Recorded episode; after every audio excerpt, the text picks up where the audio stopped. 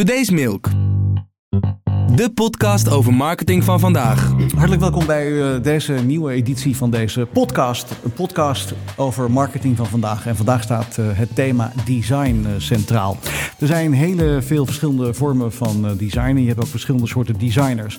Je hebt designers die het gewoon op buikgevoel doen. En je hebt designers die data gebruiken als, als inspiratie. In de podcaststudio, hartelijk welkom Melissa. En hartelijk welkom Willem, beide ontwerpers bij Two Days Milk. Mag ik zeggen, Melissa, dat jij een beetje de intuïtieontwerper bent?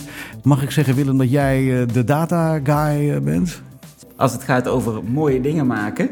Dus ik laat mijn beslissingen en mijn designs heel erg uh, sturen door data, door dingen waarvan ik weet dat ze werken.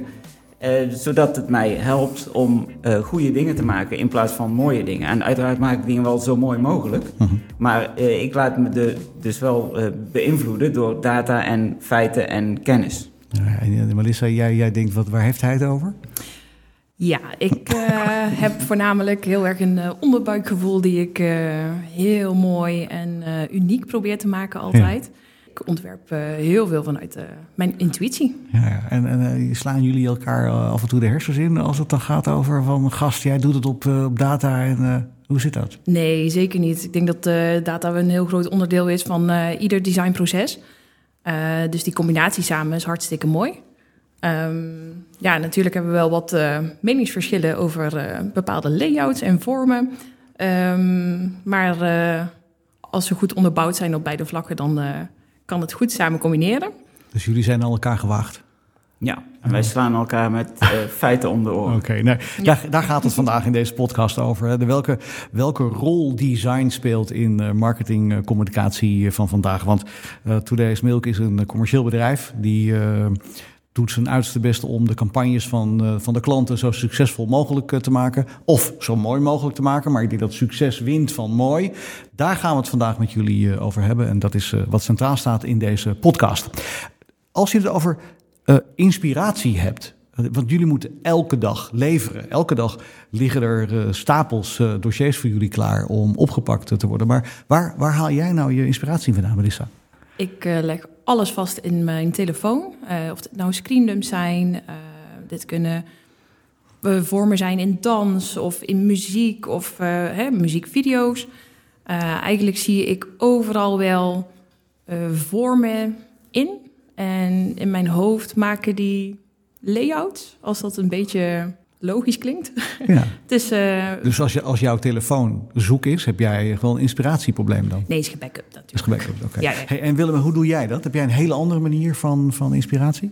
Uh, ja, ik uh, haal mijn, mijn inspiratie veel meer uit psychologie en, en mechanismes. Dus ik volg heel veel webinars over psychologie en marketing. En um, als ik cases bekijk, dan kijk ik veel meer naar de logica, ook al naar de vorm natuurlijk.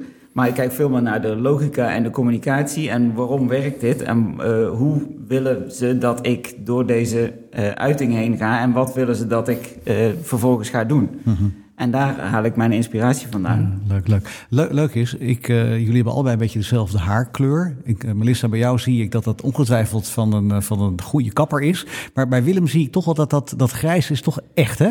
Dus jij bent ietsje ouder. Ben je ook ooit op intuïtie begonnen? Ja, dat is in de loop van de tijd wel veranderd. We, vroeger was ik heel erg bezig met markers en ook op, op grafische vormen bekijken.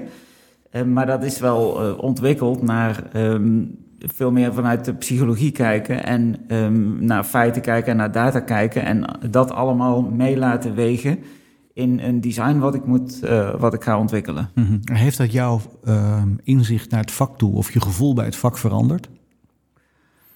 Nou ja, het is een ontwikkeling waar je in meegaat. Want vroeger was er ook veel minder data, dus er is nu veel meer data. Ja. En dat is voor mij wel heel erg fijn. Want het ja. is, uh, ik, ik vind het heel prettig om die, al die feiten te kunnen mee laten wegen in een design. Dus dat je weet waarom je bepaalde dingen op bepaalde plekken neerzet en waarom je bepaalde keuzes maakt. Dat vind ik wel heel fijn om. Uh, ja, kan, om aan data te kunnen. Uh, ik kan me ook voorstellen als je in, een soort reviewronde zit met, uh, met je klant, dat je, dat je vanuit die ervaring ook kan zeggen: ik, ik voorspel dat en dat en dat, dat en dat. En dat dan ook, ook op, op die manier ook werkt. Ja, en ook met, met feedback bijvoorbeeld.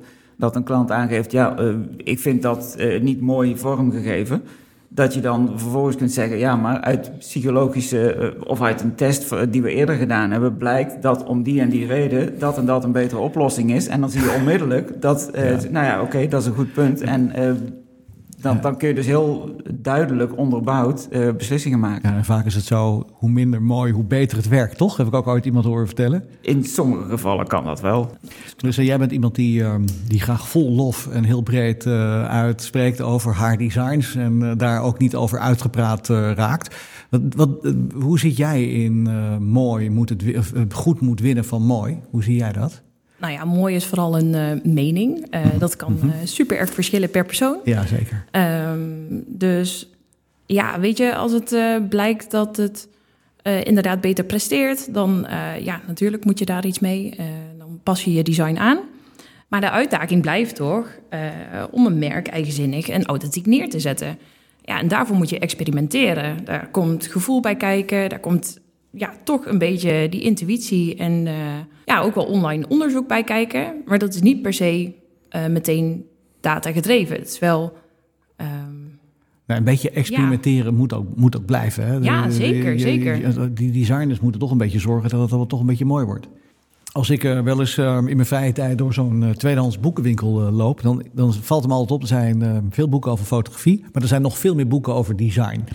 Weet je, de, de bizar veel design heeft verschillende aspecten. Het komt natuurlijk in alle vormen voor in, in, in, in, ehm, eh, in kleding, in muziek. Overal is design. eh. Maar ik kwam laatst, en die wil ik even bij jullie neerleggen. Ik kwam een quote tegen. en Die wil ik toch even bij twee professionals eh, neerleggen. Twee verschillende professionals, twee verschillende bloedgroepen. Kijken hoe zij daarop reageren. En die quote luidt als volgt: Design is art for losers.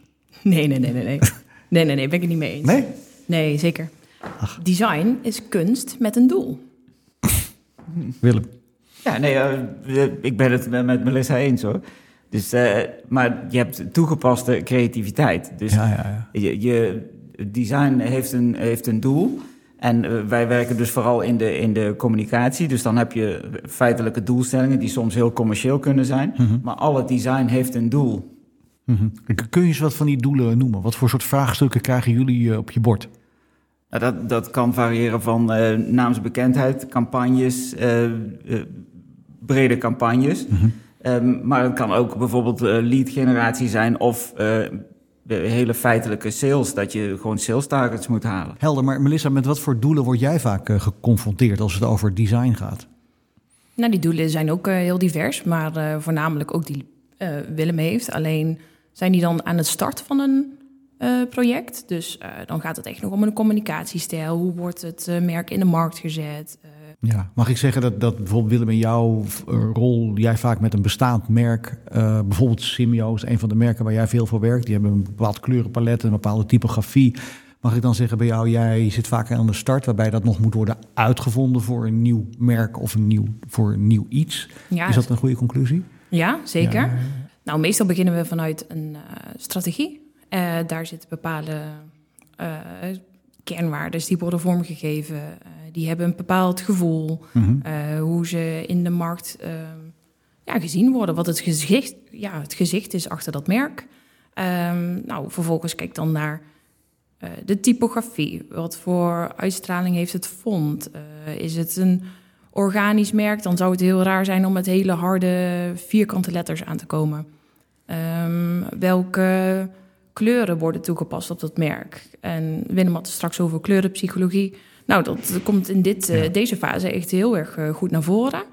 Ehm, iedere kleur heeft een specifieke ja, gevoel, uitstraling, Bedoeling. ja, bedoeling. Wat ga je ook met zover dat je naar, naar film gaat en naar hoe, hoe, hoe beweging, hoe geluid zo. hoe- Dus ontwerp jij ook het geluid wat bij een merk zou kunnen horen? Is dat ook iets wat op, jou, op jouw eh, Mm. bord zou kunnen liggen? Nee, voor mij persoonlijk niet. Ik vind eh, geluid echt een vak apart. Ja, Daar zeker, ja, eh, ja. eh, ga ik me nog niet mee bemoeien. Nee, nee. Eh, maar wel de inspiratie die daarvoor gevormd wordt bij een merk. Dus ja, zit er een specifieke Netflix-trailer die perfect aan zou sluiten bij de uitstraling van het merk? Ja, dan voeg je die zeker toe Ja, in ja. deze fase. Ja, als inspiratie ook voor de klant om te begrijpen Ja. waar het vandaan komt. Ja. Ja, de klant heeft heel veel, echt, echt superveel waarde aan moodboards die willen ehm, ja, visueel beelden al in kaart te hebben, zonder dat je meteen het hele uh, uitwerkingproces al in kaart hebt ja, gebracht. Voordat dus je op de de voorstudie. Ja, ja,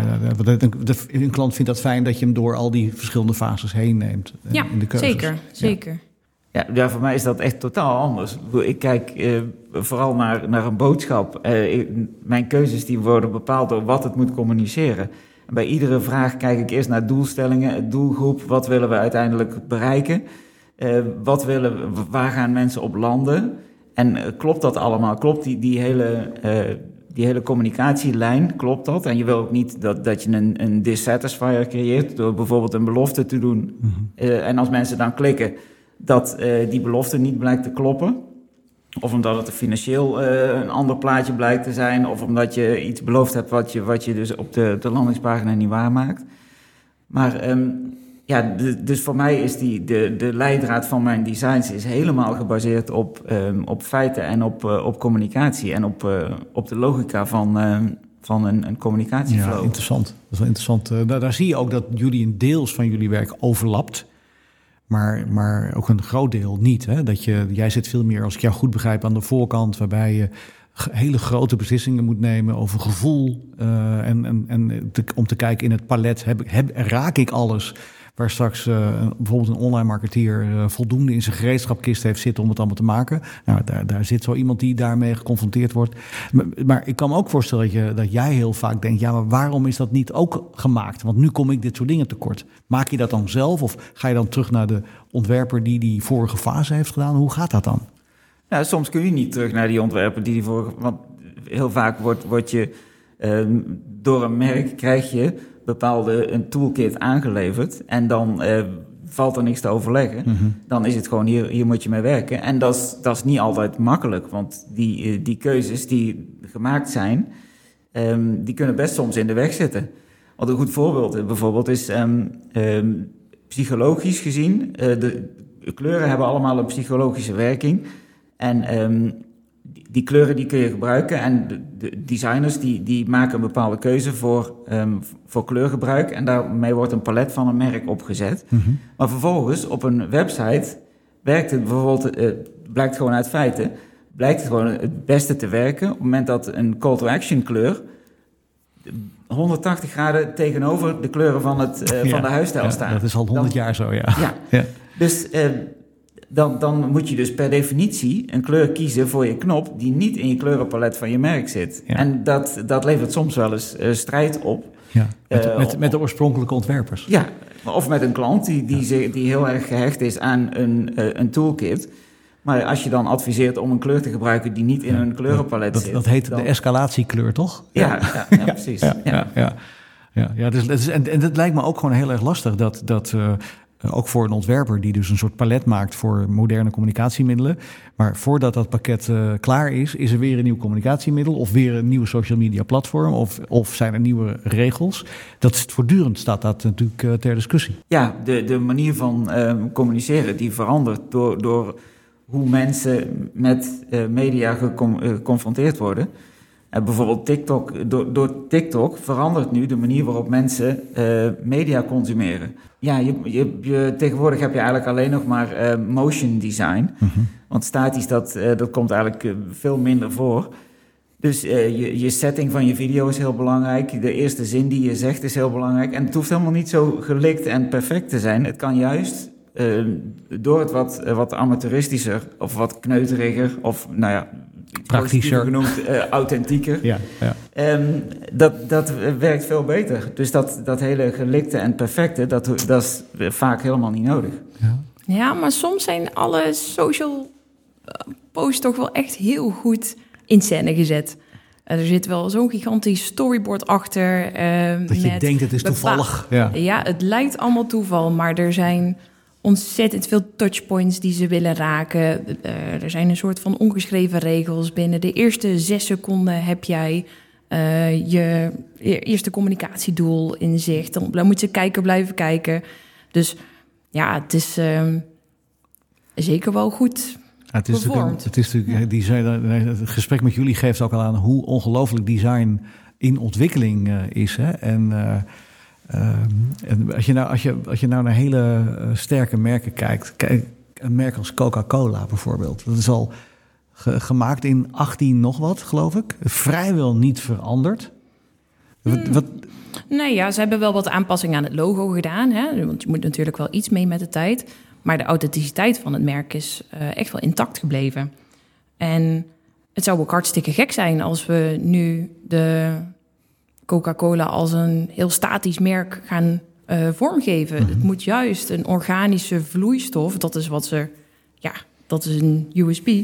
Die moet natuurlijk eh, duidelijk zijn in het logo en in de communicatiemiddelen. Het zou hartstikke vreemd zijn als het een rode kleur van Coca-Cola ineens vervangen wordt door een groene CTA in eh, in hun banners. nou, Nou wat, ja. is, wat zou de escalatiekleur bij Coca-Cola moeten zijn, Willem? Ja, dat zou denk ik fel groen zijn. En, maar dan denk ik van eh, als je.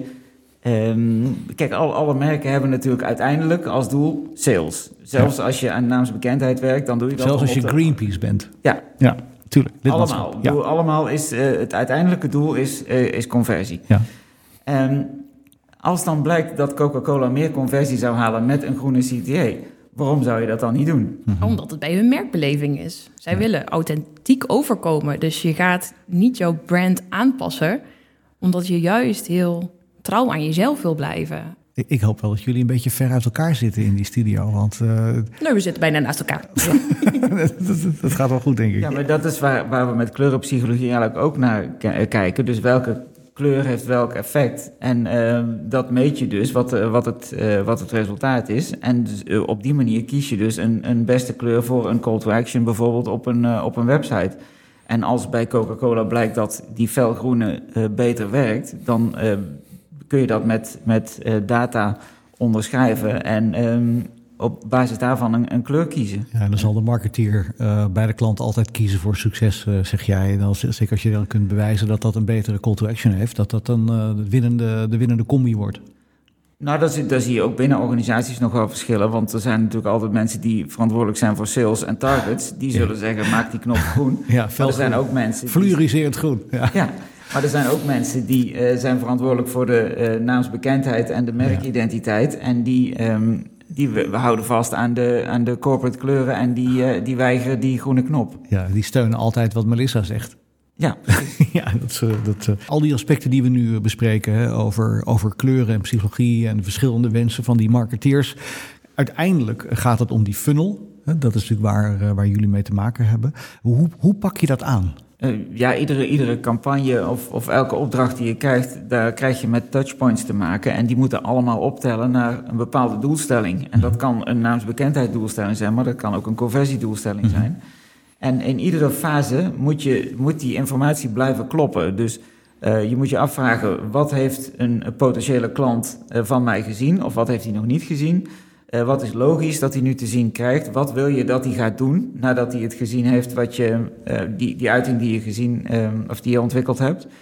Ehm, en alles moet dus blijven kloppen. En dat kun je dus met data steeds meer en steeds makkelijker eh, onderbouwen. Want je, je, hebt, je hebt steeds meer informatie van mensen. Dus waar ze zich bevinden in die funnel. Dus je weet precies wat je tegen iemand moet zeggen. ehm, om te zorgen dat je zoveel mogelijk kans maakt dat hij met je meegaat in, in die volgende stap. Ja, juist omdat we eigenlijk vanuit die funnel werken, komen onze benaderingen eh, weer bij elkaar. Ja, dat denk ik. Ja. ja, ik denk dat jij aan de voorkant veel meer ehm, de, de touchlaag raakt van communicatie, hè, waar het bond en, en inspirerend is. En naarmate je wat verder opschuift naar de funnel en denkt van hé, hey, ik wil meer informatie, ik wil meer informatie, tell me more. Eh, zeker met de data die we kunnen lezen, Willem, eh, met zijn functionaliteit. eh, daar, daar, daar komen jullie lekker dicht bij elkaar, denk ik. Ja, daarom werken wij zo waar- fijn ja, samen. dat denk ik wel. Ja. Hoe heeft dat allemaal effect op jullie huidige werken? Heb je een voorbeeld van een cliënt waar dat, eh, waar dat tot uiting komt? Eh Simio is een mooi voorbeeld. Die telecom provider. Ja. ja. Ehm, daar zie je echt een combinatie van eh, branding en sales samenkomen. Eh, voor mij, ik mag daar hele eh, vrije studies op maken. Eh, dus ehm, van hoe moet een video aanvoelen? Eh, hoe, hoe ziet de fotografie eruit? Daar zitten hele, ja, bij wijze van briefings nog aan gekoppeld over wat mensen aan moeten hebben, tot ja, alles in detail Hoe is. ze moeten bewegen. Ja. Ja, hoe ze moeten bewegen, dat is helemaal tot aan de puntjes uitgedacht. ja. Ehm, dus dat, dat zijn niet meer de dingen waar jij mee bezig bent, Willem. Hè? Dat, maar jij kijkt dan wel een beetje mee? Of, of, eh, Ja, dus eh, ik, ik zit wat meer in de, in de tel- en in de, in de celfase. En daar ga je wat meer naar, naar feitelijkheden, waarbij je eh, bepaalde feitelijke informatie moet overbrengen. Ehm, die ook belangrijk is dat die overkomt. Eh, en in, in de salesfase dan eh, worden de targets en de, en de conversies heel belangrijk. Die, die worden op de, op de tiende van eh, procenten worden die gemeten. En daar word je ook op afgerekend. En ehm, ja, dan, dan krijg je dus met bepaalde regels te maken om te zorgen dat je die, die doelstellingen haalt. Le- leuk om als ik jullie zo hoor over eh, design, hè, is dat eigenlijk het hele palet eh, van aspecten waar je rekening mee zou moeten houden vandaag de dag als het over design gaat. Echt wel een stuk wijder dan dat dat een jaar of tien geleden was. Ja, absoluut. Het is, ehm, eh, je hebt met heel veel aspecten te maken. Dus eh, het merk waar je voor werkt en de doelstellingen die je hebt. En, maar ook de doelgroep voor wie je het maakt. Mhm. En de plek waar het eh, Tot uiting komt. tot uiting komt, inderdaad. Eh, en dat wordt steeds meer moving content. Eh, vroeger zag je eh, geplakte posters langs de snelweg. Heb jij nog je gemaakt, denk ik, vroeger. Ja, zeker weten. Dat zie je eigenlijk bijna niet meer. Alles is digitaal, alles is moving. En ehm, eh, ook de, de manier van kijken, die verandert daardoor. Dus je moet heel snel to the point komen. Ehm, en lang gingen we ervan uit dat, dat je video zonder audio moest kunnen kijken. Want op werkplekken, daar hadden mensen geen audio. Dus alles werd ondertiteld. En, en we gingen ervan uit dat mensen zonder audio keken. Ja, maar nu heeft iedereen Maar- van die witte oortjes in, Ja, waar je ook precies. bent. Precies, dus ja. door, door TikTok is, eh, is die manier van, eh, van eh, media kijken heel erg veranderd. Want bij TikTok zit er gewoon altijd audio onder. Is dat ook de reden waar, waarom zo'n Instagram dan, die beginnen zonder audio, dan zien ze TikTok en dan zeggen ja, dan moeten wij ook. Is dat, is dat wat er gebeurt? Ja, ja, precies. Dus ehm, eh, alle media reageren daarop. Ehm, als, als designer ehm, zie je dat, zie je dat gebeuren en ga je daarin mee. Zodat je eh, eh, aansluit bij de manier waarop mensen media consumeren. Ja, ja, ja, dat is natuurlijk een ongelofelijke verandering. Hè? Dat, eh, dat, dat, gewoon, dat, kan, dat kan volgende week weer anders zijn. Ja, dat zal zeker volgende week weer anders zijn. Ja, dat is een vanzelfsprekendheid voor jou. ja, ja. Ja, dus ei- eigenlijk ben ik niet zozeer meer een grafisch designer, maar meer een communicatiedesigner. Ja, inderdaad. Ja. ja, dat mag je wel zeggen. Ik eh, ga wel heel veel uit op mijn eh, intuïtie. Ehm, maar toch, eh, ja, het grafische aspect blijft bij mij wel eh, heel erg belangrijk. Eh, dus ik denk dat mijn gewoonte, ja, overal de gewoontes en creativiteit die blijven. Eh, het is denk ik de tooling die verandert. Mhm. Als jij, het over, als jij het over tooling hebt, Melissa, heb je het dan over eh, eh, Illustrator, Photoshop, dus maar het pakket eh, die we allemaal kennen op de Mac? Of, eh, of, of eh, de- kijk je dan breder? Nee, veel breder. Kijk, als je naar eh, de markers van Willem kijkt, de, de kwasten eh, die we vroeger op de reclamegevels eh, van gebouwen Ja, ja, ja, maakten, ja. Eh, lithografie. eh, kijk, er is zoveel veranderd. Dus je moet gewoon inspelen op die trends en daar gebruik je de juiste tools voor. Ja. Ehm, nou ja, kijk bijvoorbeeld nu naar elke designer die gaat testen met AI's. Eh, Ja. er, er zijn ontzettend veel mogelijkheden nu eh Ja, als qua ik, tools. als, als ik de tijdlijn op eh, Instagram moet geloven, dan zijn jullie allemaal werkeloos binnen nu en eh, twee jaar. Ja, of je maakt er gebruik van. Ja, dat is ook weer iets van te zeggen. Want jullie, jullie experimenteren er ook al mee, denk ik. Ja, je, je kunt het zo gek niet bedenken of je kunt het met AI wel maken. Dus je kunt eh, muziek, video's, eh, afbeeldingen uiteraard, dat kent iedereen. Eh, teksten, dus je, je kunt het... ehm, je kunt eigenlijk alles eh, door AI wel laten genereren. En ik denk dat dan de creativiteit vooral zit in de manier waarop je het eh, aanstuurt en waarop je het eh, fine-tuned. Dus dat je het... Ja, hoe jij de machine het nog beter maakt in de vraag die je hem hebt gesteld. Ja, precies. Ja, ja, ja. Ja. ja, Ja, in mijn werk, ik gebruik de tooling nog niet zozeer voor klanten. Daar vind ik nog iets te onontwikkeld voor. Mhm. eh, om daadwerkelijk als uitwerking te gebruiken. Ehm, maar het is wel heel interessant dat.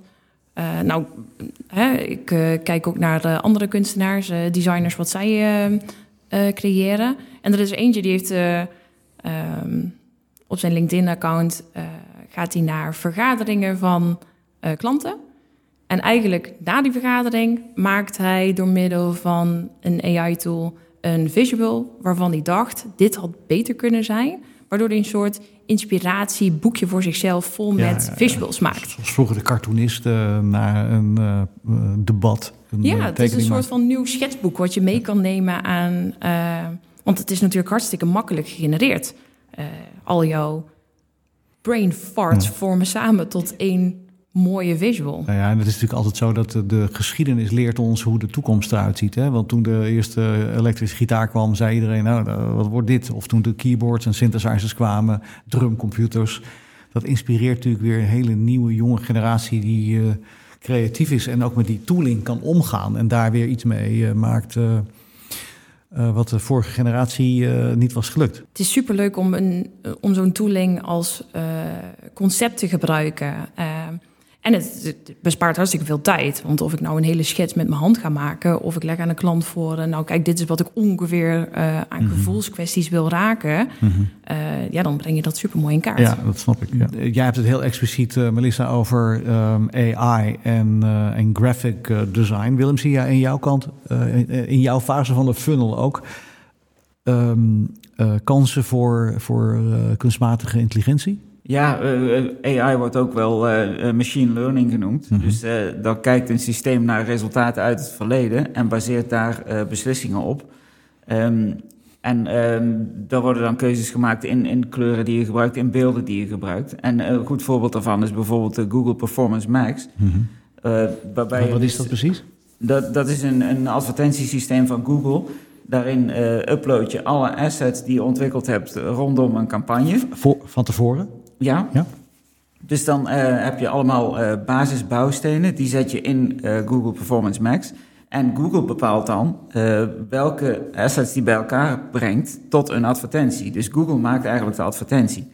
En dat kan zelfs zover gaan dat als je geen video hebt geüpload, dan kan Google beslissen van, van deze afbeeldingen en deze teksten ga ik een video compileren. Daar zet hij zelf muziek onder en dat post hij dan als een video. En dat, eh, Google bepaalt dan ook welke, op welke plekken dat dan het beste weggezet kan worden binnen het platform. En soms zijn dat echt verschrikkelijk leuke dingen als je ze ziet. Het zijn echt tenenkrommend lelijk. Maar als je Google Performance Max goed inzet, dan, eh, Ja, ja. dan presteert het heel erg goed. Ja, dus eigenlijk zeg jij dat je, dat je samen met zeg maar, hoe Google Maps indexeert en beoordeelt, creativiteit moet gaan toepassen om iets te maken wat, waar jij ook nog blij van wordt, eh, Melissa, hè, vanuit de vormkant. En, en, en jij blij blijft aan de functionaliteit. Ja, ik vraag me af waar dan. eh, hè, waar, waar blijft dan nog die creativiteit? Als het alleen maar de middelen zijn eh, die samen, ja, plaatje eigenlijk figureerd worden. Eh, ik vraag me af of je dan nog steeds de bezoeker op je website nog steeds kan charmeren met de authenticiteit van je merk. Ja, dat, dat, dat geloof ik. Ja, ja. Hoe zit jij daarin? Denk, denk jij dat Google Maps volledig de ruler wordt? Eh, nee, ik denk wel dat we in de toekomst steeds meer naar dat soort eh, systemen gaan. Maar dat zal ook nog eh, verder ontwikkeld moeten worden. Eh, want je hebt natuurlijk altijd eh, de overweging of de afweging ehm, dat het esthetisch nog verantwoord Ja, is. En, ja. en iedereen zal het eens zijn dat eh, wanneer Google iets eh eh, tenenkrommends lelijks eh, publiceert, eh, dat dat eigenlijk niet de bedoeling is. Dus dat Ja. het eh, esthetisch meer verantwoord moet worden, dat, eh, Ja. dat, dat, dat is iedereen het over eens. Dat mensen creatiever worden in het toepassen van het systeem en dat het systeem steeds beter gaat aanvoelen eh, wat er bedoeld is met, eh, met de, de campagne en de assets die jij, eh, die jij publiceert. Ja, en wordt testen dan ook minder noodzakelijk? Want als Google meedenkt in hoe, wat de perfecte weg is, lijkt testen overbodig? Of is testen toch ook nog steeds dan een, een belangrijke component in jullie eh, werkzaamheden? Ja, dat zijn eigenlijk twee verschillende trajecten. Want eh, Google, dat het Performance Max wat ik noemde, dat, eh, dat is niet zo, zozeer gebaseerd op, op testen. Dus testen zijn meer wat je op in andere richtingen toepast. Ehm, en dat kan op verschillende manieren hoor. Je kunt A-B testen, dus de- de- een campagne in, in delen inzetten en A-B testen en kijken welke het beste functioneert. Maar je kunt ook van tevoren testen door eh, in een usability hub bijvoorbeeld ehm, eh, een, een audience eh, met jouw uitingen te confronteren en eh, gewoon vragen wat eh, de meningen zijn. En wat, nou ja, niet zozeer de meningen, maar Het gedrag, de- het ja, effect wat, is. ja. wat het effect is inderdaad. Op Is, is daar wel altijd tijd voor in de campagne? nou, als je het goed wil doen, maak je er tijd voor. Ja, ja, ja. Maar het is wel belangrijk. En, en in hoeveel procent van jullie campagnes die jullie dagelijks doen, wordt er getest? Ja, in mijn geval wel vaak. Ja. Want, uh, maar ik zit dus wat meer in de, in de lower funnel. En daar, uh, omdat, omdat het daar zo belangrijk is om de weloverwogen en, en goed onderbouwde keuzes te maken, is testen ook heel belangrijk. Ja, en wordt ja, het ook gedaan. Ja, daar is, daar is experimenteren uh, dodelijk. Het moet effect ja. hebben. Ja, precies. ja, testen is eigenlijk ook een, een vorm van experimenteren. Alleen dan doe je dat met de bedoeling om de juiste keuze te maken. Uh, in een, in een AB-test of in een usability-test uh, zet je twee mogelijke opties naast elkaar om uh, de best presterende optie ja. over te houden en in te zetten. Ja, toch een beetje, toch een beetje experimenteren. Nou, le leuk om jullie um, als professionals beide zo uitvoerig gesproken te hebben over hoe, wat de rol van, van design is. Leuk om ook te zien dat jullie. Uh, in instantie had ik gedacht toen ik dit gesprek aan het voorbereiden was dat jullie heel concurrerend zouden zijn in het speelveld van uh, design als ik jullie zo hoor, omdat jullie beide in die funnel uh, jullie plek aan het verdedigen zijn voor waar je in gelooft, vind ik jullie meer aanvullend dan ik had gedacht. Dat is wel leuk om, om, om te zien. En ook hoe jullie eigenlijk dezelfde job hebben, maar die gewoon echt substantieel anders is. Dat vind ik leuk. Dankjewel voor die, voor die, voor die bijdrage. Hebben jullie nog een soort van een, van een laatste gedachte die je, die je kwijt zou willen? Ja, daarom vind ik het ook zo interessant in ja, ons beide vakgebied dat we die zaken samen kunnen combineren. Um, en dat ik me lekker mag focussen op de voorkant van een traject en heel abstract bezig kan zijn. en dan ja, dat het uiteindelijk toch weer samenkomt in heel die funnel. Ja, dat vind ik altijd heel mooi om ja, te zien. Leuk. En voor jou, Willem? ja, ik, ik, beide kanten zijn natuurlijk heel belangrijk. Um, want zelfs als je je hele design baseert op um, uh, feiten en data en logica en uh, communicatielijnen, dan nog steeds komt er ergens een punt dat je het esthetisch verantwoord moet uh, vormgeven. En daar komt toch die intuïtie en je, je ja, vormexpertise komt ja. daar toch weer, um, weer naar boven. Dus, dus, dus, dus, dus als ik in de toekomst kijk, zie ik jou nog wel eens een keer met die markers uit 1999 nog een keer terug aan de slag gaan? Of, denk, of komen die nooit meer terug in je werkproces? Nou, dat wil ik wel proberen te voorkomen. Uh, ik vond het heel erg leuk om met jullie uh, even over jullie vakgebied uh, te hebben. En ook, het is voor mij ook heel erg leuk om te zien hoe dat, hoe dat vak is veranderd de afgelopen tijd. En ik dank jullie beiden voor, voor jullie bijdrage. als je het leuk vindt om vaker van dit soort podcasts te, te, te beluisteren, ga naar onze website of kijk op, onze, op de gebruikelijke podcastplatforms zoals Spotify of Google Podcast. Of kijk gewoon op onze website today'smilk.com. Wij zijn media geworden. We consumeren het, creëren het, we vormen ons wereldbeeld en zelfbeeld ermee. Op allerlei platforms en in eigen bubbels. Verstopt achter wettelijke, technische en mentale filters. Zo is aandacht een valuta geworden. We vragen het steeds meer, maar geven het steeds moeilijker. Alleen als gelijkgestemden, influencers, artiesten en ja, ook merken snappen wat ons persoonlijk boeit en bezighoudt, zijn ze onze aandacht waard. Wij geven onze aandacht niet meer alleen aan verrassers, maar aan verrijkers. Zowel voor entertainment en beleving, als voor heldere informatie en zelfs educatie. Voor het bureau van vandaag is data en technologie een springplank voor ideeën. Want voor die content die echt connect, die on-brand, on-point en on-time is, is creativiteit alleen niet meer genoeg. Dat vraagt om menselijke visie met technologische precisie. Op inzichten uit data, getoetst aan cultuur. Met de nieuwe creatief als curator van nieuwe technologieën. En doorlopende monitoring van de maatschappelijke mindset voor actuele aansluiting. Technology first, creativity next. Wij zijn Today's Milk. Merk, content, media.